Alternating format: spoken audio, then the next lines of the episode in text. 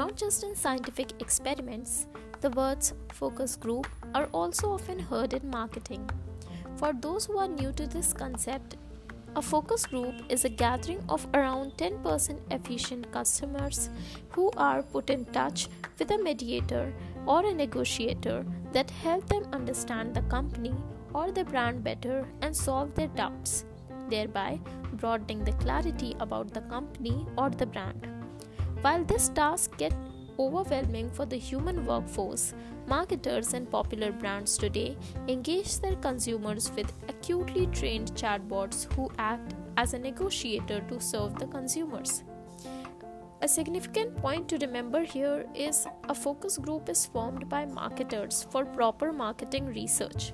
Someone who is planning to launch his enterprise in a market should choose a focus group for example, if you wish to launch a new beauty product in the market, you should choose your focus group of women belonging to the age range of 20 to 30 years. When starting a new business or enterprise, you will not be aware of the nature of the market your business will be in. You will also not be aware of your target audience and the kind of audience who can turn into your potential customers later. To get a good grasp of such aspects of the market, one needs to invest in market research.